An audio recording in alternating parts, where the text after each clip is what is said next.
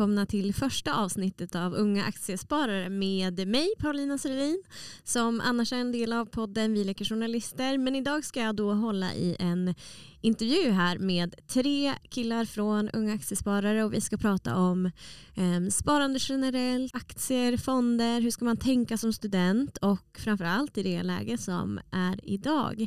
Allra först här i klippet så kommer vi höra Douglas Drake som eh, tyvärr inte kunde presentera sig själv för att det blev lite problem här med inspelningen. Men eh, här hör vi honom.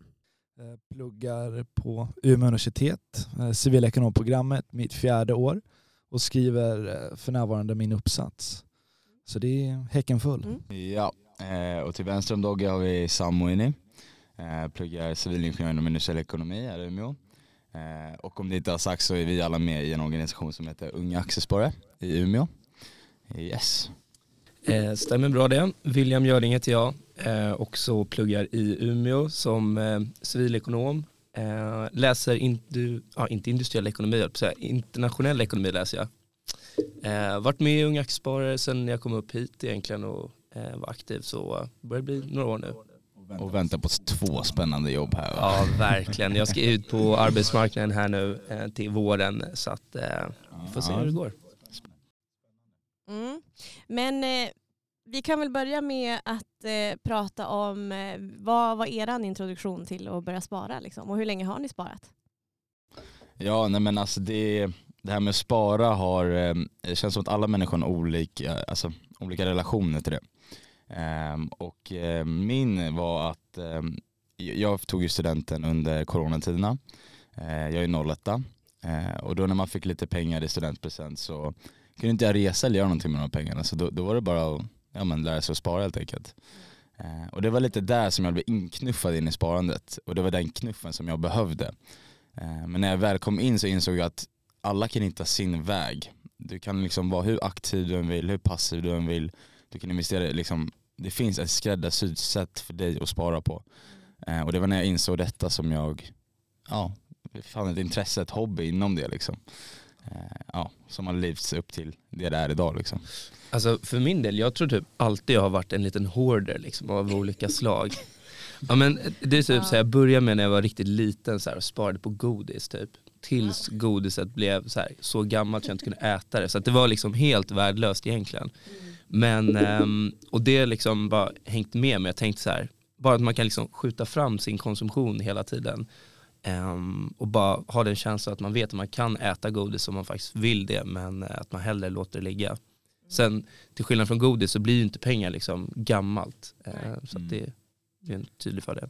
Jag går lite i linje med Williams resa också. Jag har också varit lite av en godishårde när jag var yngre. Men jag, jag har alltid uh, gillat att spara. Jag har alltid tyckt att det varit kul och till skillnad från Sam så hade jag möjligheten att ta eh, ja, men studenten under vanliga former så jag hade möjligheten att åka ut och resa. Så mina sparmål var alltid olika typer av resmål för att jag tyckte det var kul och ja, men det var det jag ville göra då. Och sen när man då har ja, men, grunden i att ha ett regelbundet sparande så får man då sedan lära sig att ja, men ifall man placerar de här pengarna så kan de växa. Eh, om man har tur eller om man har ja, men, rätt förutsättningar. Mm. Ja, och för mig, jag är också med i Unga Aktiesparare, men jag är också med i studentradion, så det är därför vi gör det här, eh, ja men den här delade grejen. Eh, för mig var det verkligen att jag reste jättemycket, sprättade alla sparpengar, eh, kom hem, insåg att just det, nu måste jag som börja om från noll. Eh, och då var det väl egentligen min pappa som pushade mig till att ja, nu måste du göra det här, du är fan vuxen på riktigt. Liksom. Eh, så då började det. Ja och det, det, känns som att det finns typ två typer av människor. Antingen de som, ja, ni då som har växt upp med den här eller liksom är födda med den här, jag vet inte, den här genen att man liksom, jag måste spara. Spargenen. Spargenen, ja precis. Eller folk som blivit inknuffade in i det. Um, och uh, jag tror, är man här och lyssnar, är man, har man ett intresse så tror jag att det är nog med tillräckligt med en knuff. Um, att bara ge sig in i det liksom. Ja men alltså, och där känner jag hade kunnat gå väldigt fel för, för mig. Jag hade ju liksom lika gärna kunnat spara på liksom någonting helt sjukt också som är helt värdelöst. choklad. Ja och där hade jag lite tur för jag, liksom, när jag var 15 så fick jag ett medlemskap i Unga Aktiesparare. Mm. Um, och då öppnades också hela den här världen upp liksom mer på ett annat sätt. Um, jag hade några så släktingar som typ levde på, på uh, liksom sin egen avkastning. Så jag visste att det gick liksom. Um, så då var, det, då var det som en, en liksom push där. Men sen kan jag säga, alltså jag hade ju noll aktieintresse liksom, uh, under väldigt lång tid. Mm. Hur, hur börjar man då? Alltså vilka typer av, olika typer av sparande finns det och vart, vart ska man börja om man är helt nollställd? Man, man vågar bara inte. Jag tror det, det viktigaste klivet är att faktiskt börja spara eh, Eh, och inte nödvändigtvis behöva lägga allting på börsen direkt eller investera i olika typer av tillgångar utan få in rutinen att spara men kanske när du får in ditt CSN lägg undan 100 kronor eller 500 kronor beroende på hur, liksom, hur hög hyra man har och liksom, olika typer av utgifter. Jag tror att det är det bästa sättet så att man får in den rutinen. Fördelen med att lägga in det på börsen eller olika typer av fonder kan ju vara att pengarna blir på sätt och vis låsta. De är inte tillgängliga på samma sätt som att man bara överför från olika konton. Så jag skulle tro att eh, nummer ett, få in rutinen. Spara när eh, liksom, CSN kommer in. Och sen skulle jag också säga att man, man klargör liksom ramarna för ditt sparande. Att så här, vi, jag tror alla har gått igenom några eh, nyckelmisstag i början eh, och ett av dem är det här att man, man lätt lyssnar på andra människor eh, och som jag sa skräddarsyr inte sin, e- sitt egna sparande utan försöker efterlikna någon annans. Eh, och det hjälper liksom inte i längden för att alltså börsen är en väldigt eh, ja, oroväckande eh, miljö kan man säga ibland. Det kan gå upp och ner och det gäller att man har is i magen när den går ner och för att du ska ha det så måste du lita på det du har placerat dina pengar på. Eh, och då hjälper det att du har skräddarsytt det ena. Liksom. Så alltså det tipset jag kan ge är att om du vill ge dig in aktier exempelvis, eh, börja investera kanske i något bolag som du känner väldigt bra till. Håller du på med gaming och spel, ja, men då har du ganska bra koll på branschen. Då vet du, liksom, du kan jämföra några olika företag och så kan du ja, men välja ett av dem och se mm. ja, hur det rör sig och så. Men det där är ju verkligen grejen, så här, bara komma igång och, och bara köpa någonting. Men jag vill ändå bara belysa liksom, vikten av att faktiskt bara komma igång och, och spara. För att det är väldigt lätt att man tror det, att ja, men nu är man student, man har inte så mycket pengar över eller att man är ung. Um, så det är ju egentligen det är tiden man har som bygger liksom de här stora förmögenheter utav pengar. Liksom. Mm. Det är ju inte liksom, hur mycket pengar man har tjänat per se, liksom. utan det är ju tiden man faktiskt ligger inne.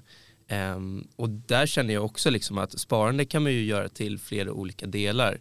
Um, vissa har ju sitt sparande som så amortering på deras bolån. Mm. Um, andra sparar i aktier. vissa kanske köper skor liksom, uh, och ser det som deras investering och sitt typ av sparande. Så att jag menar det, det finns ju så otroligt många sätt man kan göra det här på. Uh, men jag tror bara det viktigaste är att man faktiskt kommer igång uh, med, med någonting. Liksom. Jag måste bara flika in och säga en sak till för att många som inte har tagit tag i sitt sparande gör det för att de tycker det är så jävla tråkigt. Ja. Och att lyssna då på någon som, som jag sa tidigare, att men lägg undan en slant innan. Man har ju hört de flosklerna en miljon gånger. Så jag tror att det är sjukt viktigt att man gör det för sin egen skull och man samlar till någonting som man tycker är roligt och man försöker göra någonting lite mer underhållande i det och försöka ha någon typ av ledstjärna för annars blir det tradigt och man kommer aldrig igång och det är lite enkelt att liksom skita i det för att man tycker inte att det är kul. Så man måste på något sätt hitta en anknytning till sparande som gör det kul. Och jag personligen kan tycka det är väldigt kul när man har kommit igång och man ser att fan, jag kan ju få ränta på det här utan att jag egentligen gör någonting. Och det är en väldigt beroendeframkallande känsla. Så att man måste komma igång, man måste liksom sparka sig själv i rumpan lite och ja, men nu kör vi. Eh, men eh, gör det till någonting kul. Liksom gör med kompisar för annars blir det fan tråkigt. Jag, jag tycker det är så kul för lyssnar man på den här konversationen i helikoptervis så, så alltså det låter ju verkligen som mm. alltså, träning nästan. Ja. Att det är bara att komma igång, det är bara liksom, du kommer se något resultat, du kommer tycka det är nice. Alltså, det är li lite samma sak, man kan dra det lite sen. När du väl börjar då kommer du inte vilja sluta liksom. Men om man tänker utifrån en eh, students budget, om vi säger att man både har bidraget och eh, man tar lån. Eh, vad, är rimligt, vad är en rimlig summa att, att spara då? Vad tycker ni? Vad har man råd med? Liksom? Vad är lämpligt? Är det så här, finns det en procentsats som är den gyllene regeln? Liksom? Det finns ju 10%-regeln. Mm. Eh, Det finns 10%-regeln och det motsvarar ju 1000 kronor i månaden på ett CSN ungefär. Och det är ju ganska orimligt i, i mångt och mycket. Jag tror att den, den viktigaste summan man ska leta efter är att det faktiskt är en summa. Så att eh, säger man då att ja, det är 1000 spänn eller 500 spänn, det är, det är orimligt för många. Så att lägg undan 20 kronor, 50 kronor, 100 kronor Mm. eh, och gör det så fort ditt CSN kommer in så pular över en hunka. Och det är ett, liksom ett startskott, det är en början på en vana och det är den man vill få in. Eh, så jag tror det är svårt att ha så här, en, en procentsats när man tjänar så lite pengar eller får så lite pengar in. Eh. Ja men precis, för man måste ju ändå ha liksom det, det hålrummet också, att man faktiskt kan ta smällar också. Liksom, man ska ju liksom ha råd att åka och hälsa på sina föräldrar eller åka och göra saker som man vill också då, även fast man är student. Så att jag tror verkligen som Douglas, där, det viktigaste är att man bygger sin, sin vana, för den kan man ju sen ta med sig i framtiden när man faktiskt kommer tjäna mer pengar. Eh, också ha större möjlighet att lägga undan. På sommaren till exempel, om du sommarjobbar. Ja men Då, exakt. då, då har du fått in den här mentaliteten att jag kan lägga undan lite pengar. Mm. Tänker man ja. 10% av det man tjänar årligen, liksom, om man lägger ihop allting, ja, då kanske det är ändå en ganska rimlig summa ändå. Ja, och jag menar, jag tyckte William sa någonting sjukt bra där för att det vi gör nu när vi pluggar är egentligen att vi lär oss och utbildar oss och allt det här. Så att om man får in vanan nu när man inte tjänar några pengar och allt det här, när du då kommer ut i arbetslivet så har du redan vanan. Och det blir en helt annan liksom, rutin då eh, än om man ska säga att ja, men jag skjuter upp det jag börjar då. Så lägg undan 25 spänn. Det är bättre än inga spänn alls. För eh, jag vet ju att vi också brukar prata om det här med buffert. Eh, Mm. Kan någon av er förklara det lite? Och vad är vikten av att ha en buffert? Vikten med att ha en, en buffert är ju helt enkelt så man kan ta de här oförutsedda smällarna precis i ekonomin. Ehm, och det där anpassar man ju väldigt mycket vart man är i, i livet. Liksom. För oss som är studenter nu så kanske den bufferten ligger på, vad vet jag, tusen eller två tusen kronor. Man ska ha råd att liksom köpa en kaffemaskin och den går sönder, man ska råd att åka hem och sådär. Ehm, Äger man ett stort hushåll, ja men då ska man kanske kunna eh, reparera en varmvattenberedare för, eh, vad vet jag, 30-50 tusen liksom. Bufferten, för de som inte har hört uttrycket tidigare, det är ju liksom en typ av krockkudde Mm. eh, för din privatekonomi. Jag tycker buffert också är ett jävligt tråkigt uttjatat ord men det är sjukt viktigt att ha. Eh, och det är ju som, som William säger att händer någonting, fan jag måste köpa en ny mobil eller någonting så måste du ha någon typ av eh, om en krockkudde för att hjälpa dig underhålla de här kostnaderna. Jag, jag tror många studenter som sparar ser sitt sparande som sin, som sin buffert. Ja det tror jag också. Alltså, jag har fått för mig att Ja. det är så folk pratar. Om Jag sina tror- ja, precis. Eh, undan till ja. typ aktier eller fonder. Ja. Men jag tror begreppet buffert är väldigt, eh, vad det är i praktiken skiljer sig lite från person till person. Så för en student till exempel så är det att man placerar sina pengar på, på sparande. Eh, och om det händer någonting så drar man ut de pengarna. Men någon som kanske aktivt med håller på med sparande eh, har lite mer säkrare placeringar kanske. Eh, eller till och med bara kassa som ligger som deras buffert. Eh, och det är lite det man pratar om när man snackar om det skulle jag säga. Yes, då var vi tillbaka. Ja, men vi har ju med oss en bok här nu och eh, vi tänkte gå igenom några av de olika sparidentiteter som, som finns. Och, eh, ja, men Douglas, du kan väl berätta vem som har skrivit boken och eh, vad den heter och så. Får du börja gå igenom dem? Ja, absolut. Eh, boken är faktiskt skriven av ytterligare en UA-profil eller en, en verksam UA-medlem som heter Riktig legend. Riktig alltså. legend och han heter David Flatbacke Karlsson eh, och eh, är chefsredaktör för Unga Aktiesparares ja, tidning eller vad man ska säga, kalla det för. Eh, utgåva. Eh, och han har nyligen skrivit en bok eh, som heter Fatta aktier eh, som jag faktiskt vill slå ett litet slag för för att boken är otroligt lättläst. Den är lätt bearbetad om man tidigare inte har någon kunskap om aktier eller sparande och allt det där och man, man vill inte ja, men, ta vatten över huvudet och läsa en tråkig lång bok så är det här en, en, en utmärkt eh, startpunkt. Den är väldigt blå och fin också. Den är blåfin. Ja. Och inte så tjock. Alltså, den ser ju ut som att man skulle kunna läsa den på en liten stund. Ja, ja absolut. Ja, du kan läsa den här på en eftermiddag.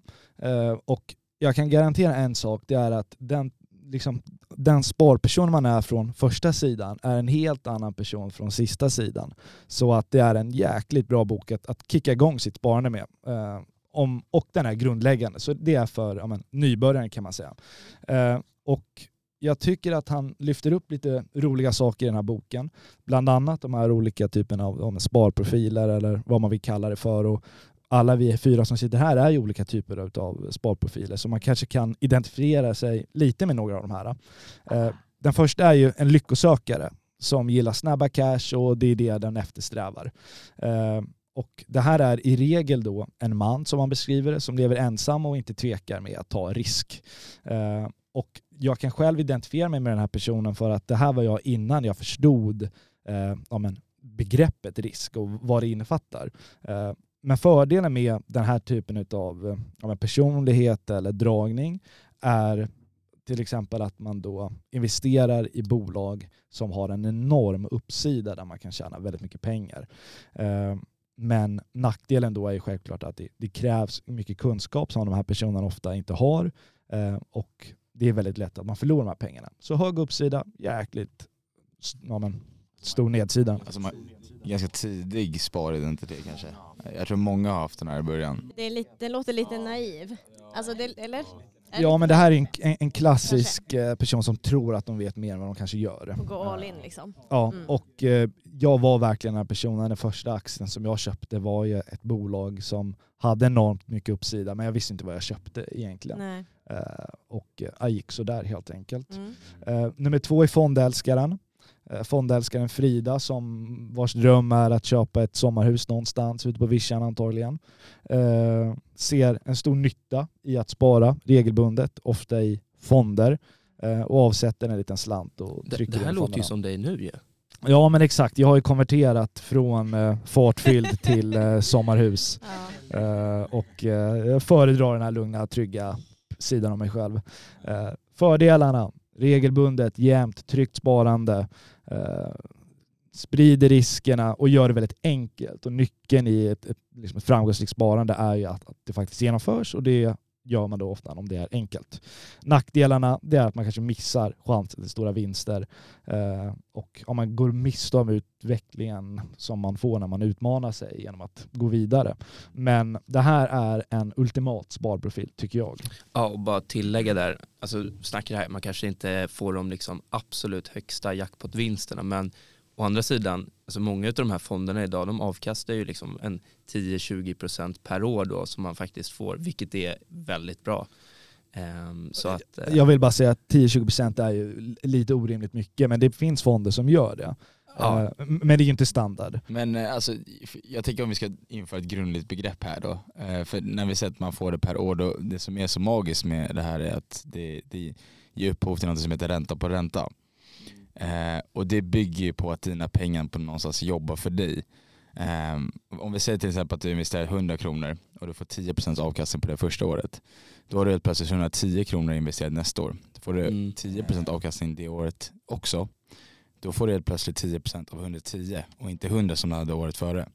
Och då fortsätter dina pengar ackumulera i den här exponentiella rörelsen så att säga. Eh, ja det är, det är, helt fantastiskt, du får ju en krona i avkastning där. Ja precis, och det är lite efter. det här som är det smarta och fantastiska verktyget med långsiktigt sparande. Absolut. Eh, men, men slutligen då har vi någon som jag tror väldigt många identifierar sig som. Eh, speciellt de som inte har ja, men delvis läst den här boken men även Eh, Eh, kommit igång med, med sitt sparande på riktigt och tagit det till nästa nivå. Eh, och det är räntefegisen eh, som eh, ja, men hellre vill göra saker för sina pengar, kanske resa då eller och så vidare. Men också den här eh, sluga baktanken om att eh, det kanske går ner till noll jag kanske förlorar alla pengarna. Eh, och den rädslan brukar vara den, den vanligaste till varför man inte vill eh, investera överhuvudtaget. För ämnet känns omfattande och riskerna känns höga.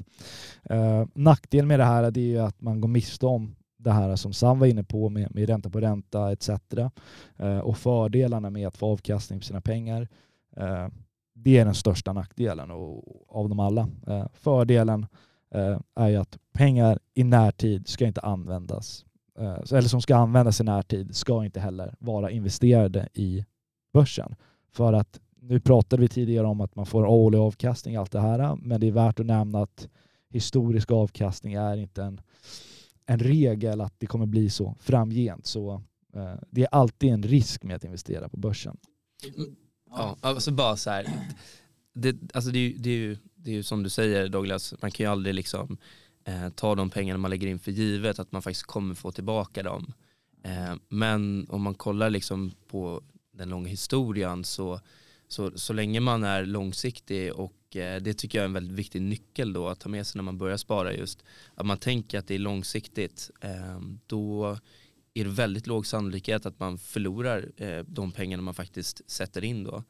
Eh, ja, eller var du klar? Ja, nej men alltså så, här, så det är klart vissa av liksom äggen i din korg utav liksom, eh, investeringar kanske är dåliga. Mm. Men i det stora hela så är det så många bra ägg som då faktiskt eh, ger dig en större avkastning då. Mm. Och för där har ni introducerat två jätteviktiga begrepp, både risk och tid. Eh, och det här är på något sätt grundpelarna i vad all sparande och all, alltså börsen och allting bygger på. Och det är att vad allting handlar om egentligen med att du ska få ränta och avkastning så att säga är att du förskjuter din konsumtion av någonting.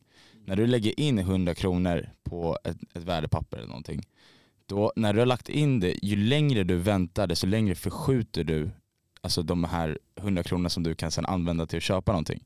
Och det här har du rätt till att få en avkastning på, ränta och tjäna pengar på. Ehm, och sen den andra dimensionen som man pratar om det är det här med risk. Man ska inte vara jätterädd för ordet risk men man ska fortfarande vara på sin vakt. Och det är att du ska få kompensation för risk du tar också.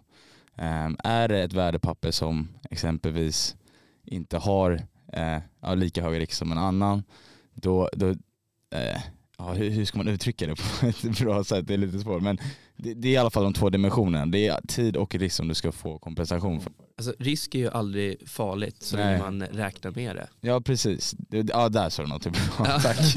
det jag försökte uttrycka. ja, men, precis, och det är ju lite så, så här, i, eh, i sitt sparande kan man ju vilja ha olika typer av risker. Alltså man har ju ja. de pengarna som eh, man faktiskt kanske vill använda ganska snart, typ köpa lägenhet och sådär. Mm. Då kanske man inte vill ha särskilt stor risk på. Medan eh, en liten del av sitt sparande är typ sånt som man har för typ pensioner och sådär. Och då kan man ju låta det ha ganska mycket risk för man kommer ändå inte röra de pengarna på väldigt många år. Liksom. Mm. Um. Och, det, och det är där jag tänker, nu när vi har snackat om det med sparidentitet, om du ska liksom lokalisera din så måste du jobba med de här två begreppen. Är det så att du exempelvis, som eh, Gördin sa då, att du, du har någonting du behöver spara till, du måste använda de här pengarna, jobba mindre risk men ha längre sparhorisont. Däremot känner du att du får in mycket pengar i månaden, du, du vill liksom ta en chans, du, du, du är beredd på att ge dig in i marknaden. Då kan du jobba lite högre risk men se till att du har kunskapen och du kan då i, ja, upp, ja, till följd av det kan du ha lite mindre sparhorisont också. Eh, så det är lite det man ska titta på i början skulle jag säga om du ska hitta din ena sparidentitet. Jag vill också att man ska flörta lite med tanken med att det finns en stor risk med att inte vara investerad alls på börsen när man ja. har en inflation som ligger på 10 Mm. Vad det innebär egentligen är att du, kan, du får mycket färre liksom, produkter i din matkast när du går in på ICA än vad du hade haft förut. Så att lägga pengarna på börsen nu istället som du säger, skjuta fram konsumtionen. Det gör också att du på något sätt minskar risken av att de pengarna försvinner eller urholkas, eller vilket begrepp man nu vill använda, av inflationen. Så att vi är i ett skede just nu där man får mindre och mindre pengar för sitt CSN om man vill sätta det, säga det på det viset. Uh, och då måste man, ja, man anpassa sig lite här och vara lite ja, men det ska egentligen vara en jäkligt bra spark i baken att börja lägga pengar i fonder för att alternativet är ju att de försvinner av inflationen. Krasst. Mm. Alltså jag vill bara lägga till en, en, en sak där också. Just när vi tar upp det här med inflation och så som är, liksom är väldigt tätt på tapeten. Vi pratar liksom räntehöjningar och ökade kostnader. Men om man sätter det, eh, ett sparande som går ner 10 procent. Eh, det kommer ju skada din plånbok lika mycket som att ha de pengarna på banken utan att göra någonting då. Mm. I och med att inflationen har legat runt 10 procent eh, på ett år. Så att det där är liksom ytterligare en morot för att faktiskt komma igång och så, så här, går det 5 procent ner på ett år, ja men det är ju fortfarande bättre än att ha haft de pengarna på banken bara. Mm. Um, så att men det finns ju en extremt stor uppsida liksom, eh, att man faktiskt kan tjäna igen de pengarna och eh, tjäna 5 eller 10 procent upp istället. Så det blir en jätteskillnad. Om man då i dagsläget, om man lyssnar på det här och är en sån person som antingen liksom stoppar pengarna i madrassen eller tänker att ja, men jag har lagt in dem på mitt sparkonto och eh, där får de vara. Eh, men man vill eh, ja, men komma vidare och börja spara.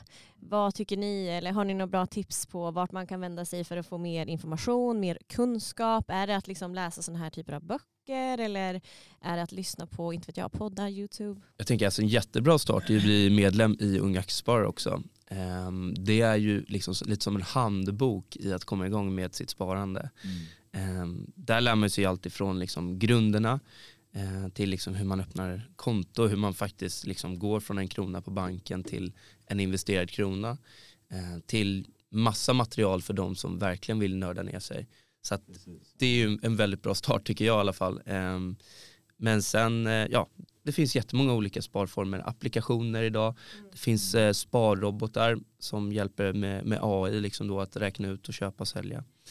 Eh, Det finns en uppsjö av, av material där ute Ja. så att det handlar egentligen bara om att bestämma sig för att man vill lära sig. Då kan man söka på det så kommer det komma upp hur mycket som helst. Men jag tror det bästa steget är ett, bufferten. Se till så att den finns. Sen den bufferten måste ha då någon typ av ränta. De absolut flesta bankerna nu, eh, om inte alla, erbjuder om ungefär 2% ränta på sitt buffertkonto eller sitt sparkonto. Eh, där kommer du i alla fall igång med resan. Eh, så att se till att du, du ser, att, att du får ränta på ditt sparkonto. Det gör det på ett knapptryck och det är fria in och uttag. Ja, med typ noll risk. Liksom. No, Det är- det är noll risk. Det är, liksom, det att banken ska gå i konkurs. Eh, Men eh, just nu går det ju otroligt bra för bankerna. De skor sig fint. Ja. Nej, men och sen på hemsidan också så finns det väl en del material, alltså Unga Aktiesparares hemsida. Finns det en Mm. del material att tillgå. Så vill man börja någonstans och tycka att gud det finns för mycket att välja mellan, då kan man i alla fall börja där Mm. och kika. Ja, och kom på våra event. Ja, det är klart. Klart. Då får ni träffa oss också. Exakt. Och de är ju oftast gratis ju. Och till för ja, men, unga människor men ja, det är ändå lite blandat i, i ålder. Vi brukar säga unga till unga vuxna. Ja. Jag tror maxåldern är, är 29 men Mm. kommer du in och är 30 år kan vi nog se mellan fingrarna. Exakt.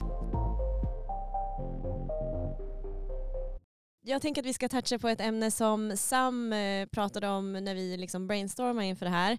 Och det var att eh, vi skulle döda myten om gubbar och bros. Eh, och det här med tanken om att man faktiskt kan börja från liksom ingenting. Eh, sen pratar vi om att ja, men ekonomi är ju en del av allas liv och att små beslut gör väldigt stor skillnad. För ja, men som du sa Douglas, att det, man är så jävla less på att höra det här med att ja, 100 kronor hit och dit och lägga undan det. Men det kan ju handla om kaffekoppar. Liksom. Att inte gå ut till Lindell varje rast och liksom köpa en kopp kaffe.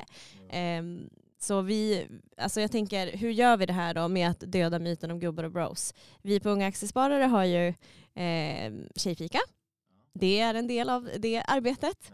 Eh, där vi försöker få fler tjejer eller liksom kvinnor att spara. För eh, historiskt sett så är det ju oftast männen i ja, men familjen eller i ja, men förhållandet som, som faktiskt sparar. Och det är så jävla tråkigt för det, alltså, som vi snackat om innan, alltså sparande är verkligen en del av allas liv, eller så här, ekonomi. Och vi, vi har dragit en koppling med träning och det är en så här essentiell och viktig del av allas liv. Men ändå så har den en målgrupp och det känns så himla konstigt. Mm, Det, är som att, mm. det är som att säga att så här, gå till gymmet och träna har en målgrupp. Ja. Det blir så här, nej, det ska, att träna får dig att må bra, att träna får dig att liksom bygga muskler och bättre kondition och det är, liksom, det är någonting alla ska ha rätt till att göra och eh, känna att de har liksom en väg till att börja med att göra också. Så det är lite det också vi unga aktiespa- aktiesparare arbetar med, att eh, ändra den här stigman av att det ska vara de här unga männen eller gubbarna som ska stå där och ja, spara. Ja, alltså så här, det fattar jag nu. M- Många tror att det bara är unga killar med Ja, väst det, är inte, det är inte få heller men Och så-. Och, och så är det faktiskt inte. Jag menar, det är ingen här som sitter Nej, i, i nej. en väst. Och jag menar, fine, William sitter i en välstruken blå skjorta, men det är en annan historia. Precis, precis. Ja, men det, det är ju inte för att jag är ung aktiesparare utan det är bara för att jag är så stilig. Den kollar på mig i morse i garderoben. Eh, nej men alltså också bara för att lägga till det där, eh, man måste inte bära en, eh, en nystruken blå skjorta heller för att vara med på våra event. Eller, så att vi jobbar ju väldigt mycket med eh, alltså folk som kanske inte får den här typen av utbildning eller hjälp hemifrån då. Eh, folk som kanske har lite svårare med språket och sådär. Eh, så att vi är verkligen eh, engagerar och försöker göra vårt material så lätt som möjligt för att alla ska ha möjlighet att eh, kunna ta del av eh, vårt eh, liksom material och det vi vill erbjuda. Om man ska komma för, bara, enbart för sin egen skull, för att man vill lära sig och man vill ja, men, få viktiga verktyg som man kommer ta med sig resten av sitt liv. Det är verkligen så, så tydligt. Eh, så kom för sin egen skull. Jag kan säga det att nästan 90 procent av de som kommer på ett första event kommer också på ett andra, tredje, fjärde event. För de märker ju också att, att det är ganska kul. Eh, så ta, bara, ta tummen ur och ta första steget. Ah, jag ville bara snabbt lägga till där. Eh, men om man, vill, eh, om man vill hitta oss, vart hittar man oss? Eh, tänker du när vi spelar in eller tänker du som ung aktiesparare? Nej jag tänker inte när vi spelar in, jag tänker som ung aktiesparare. Vi har ju eh, Facebook, eh, vi har Instagram då, vi heter Unga Aktiesparare Umeå. Man kan också följa Unga Aktiesparare då eh, på Instagram och Facebook. Mm. Så får man hela den centrala. Men vill man lite mer lokalt gå på våra event och sådär så är det Unga Aktiesparare Umeå. Och det finns säkert i en lokalavdelning också. Um och har ni några specifika frågor eller så är det bara att ni DMar oss på Unga Aktiesparare Umeå så ska vi göra allt i vår makt och svara er. Ja. Det är alltid så kul, ja. sätt oss på ja, men kör, skriv, skriv ja. någonting som... Eh, ja och nästa tisdag kör vi ju också Tjejfika. Yes. Eh, där vi kommer att ta del av ett live-event som eh, hålls nationellt eh, från unga aktiesparare. Och där får man jättegärna komma och diskutera och fika med oss. Så. Mums.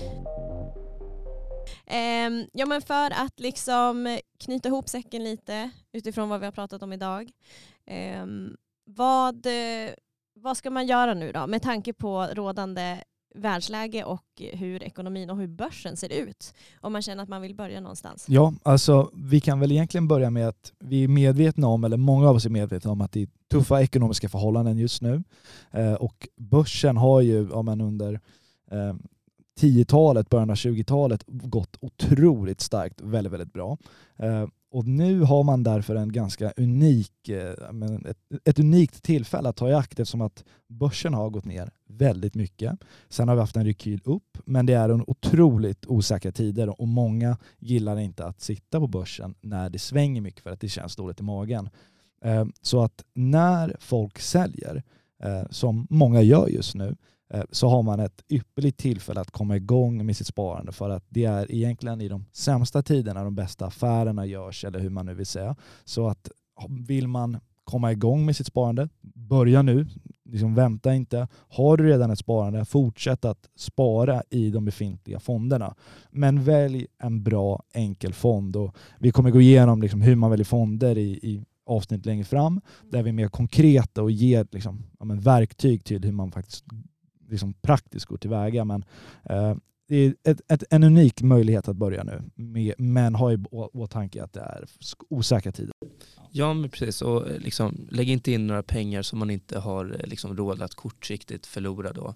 Mm. Um, som sagt, ska man köpa lägenhet då kanske det inte är helt rätt att ta alla de pengarna och sätta in i någonting. Så där får man alltid göra en liten avgränsning. Um, men uh, det är som du säger Douglas, det finns, uh, det är bra, bra läge kan det vara. Men lägg inte heller in sommarbufferten heller. Alltså, jag menar absolut kontantinsatsen kanske man inte ska ha där, men mer rimligt är att ha inte pengar du behöver inom ett halvår i alla fall. Folk brukar prata om fem år, men jag tycker det är lite väl att ta i. Men eh, kom igång nu med, med några slantar. Mm.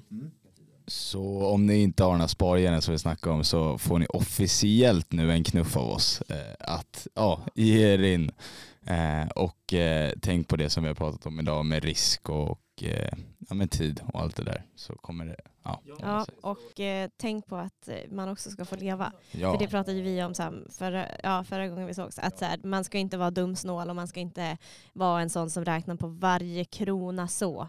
Men börja bara spara. Alltså börja bara. Nej alltså, ja, det, det vill jag lägga mycket tyngd på. Ändra inte din personlighet Nej. för sparande. Det ska du inte göra. Utan det ska bara, bara vara där för att eh, ja, men, förgylla ditt liv och mm. göra det bättre. Liksom. Exakt, bli ingen Ove Sundberg. Nej. Ja, exakt så. Tack. exakt. bli en Fred Schiller istället. Där har vi det. ja, men tack snälla för att ni var med idag och eh, pratade här med oss. Och, tack. Tack själva, det ja, jätte, jättekul Tack alla som faktiskt. har lyssnat. Eh, sen kommer vi fortsätta med det här konceptet och vi kör nu varje fredag eh, hela mars. Mm. Eh, från klockan nio till ja, men halv tio, tio någon gång. Och sen tveka inte att höra av er på Instagram om det är något specifikt ni vill att vi tar upp i podden så, så ser vi till att ordna Mm. lite material kring det. Precis. Unga aktiesparare i Umeå Exakt. heter vi där. Eh, och nästa vecka är det då liksom avsnitt två och då kommer vi prata mer specifikt om aktier och djupdyka i det. Ja, absolut. Men då tackar vi för oss. Tack så mycket.